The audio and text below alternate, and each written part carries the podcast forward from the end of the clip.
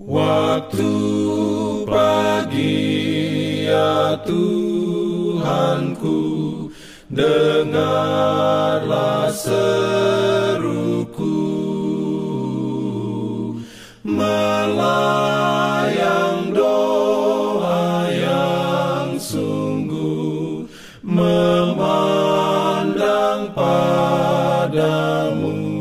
Selamat pagi pendengar Radio Advent Suara Pengharapan. Mari mendengarkan suara Tuhan melalui tulisan pena inspirasi Agama yang bersinar. Renungan harian 4 Januari Dengan judul Karena dia berkerajaan. Ayat inti diambil dari 1 Tawarik 16 ayat 31 Firman Tuhan berbunyi, Biarlah langit bersuka cita dan bumi bersorak-sorak. Biarlah orang berkata di antara bangsa-bangsa, Tuhan itu Raja. Diberikannya perlindungan dalam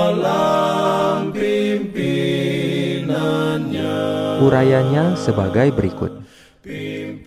Dunia yang diklaim iblis dan yang telah diperintahnya dengan kelaliman oleh pencapaian anak Allah yang sangat luas telah diliputi kasihnya dan dihubungkan kembali dengan tahta Allah.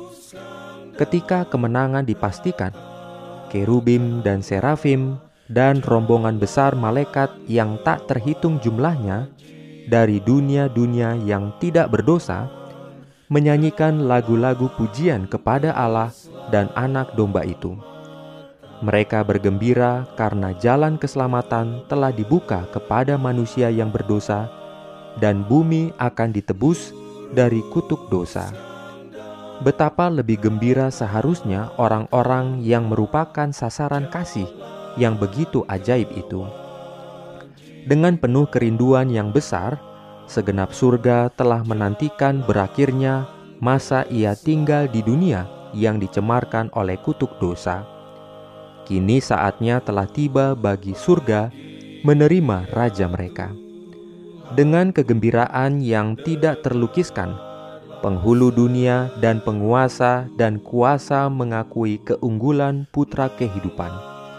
Nyanyian kemenangan berpadu dengan musik dari kecapi malaikat sampai surga tampaknya meluap dengan kegirangan dan puji-pujian.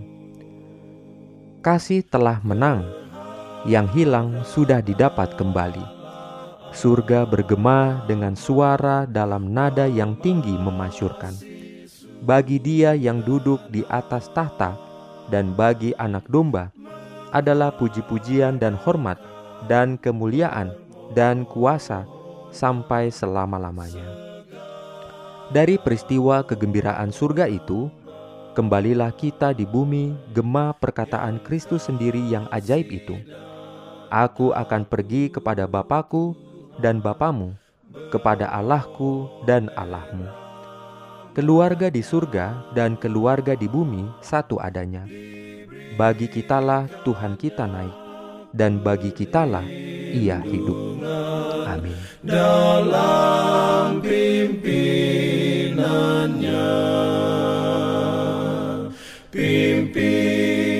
Jangan lupa untuk melanjutkan bacaan Alkitab sedunia.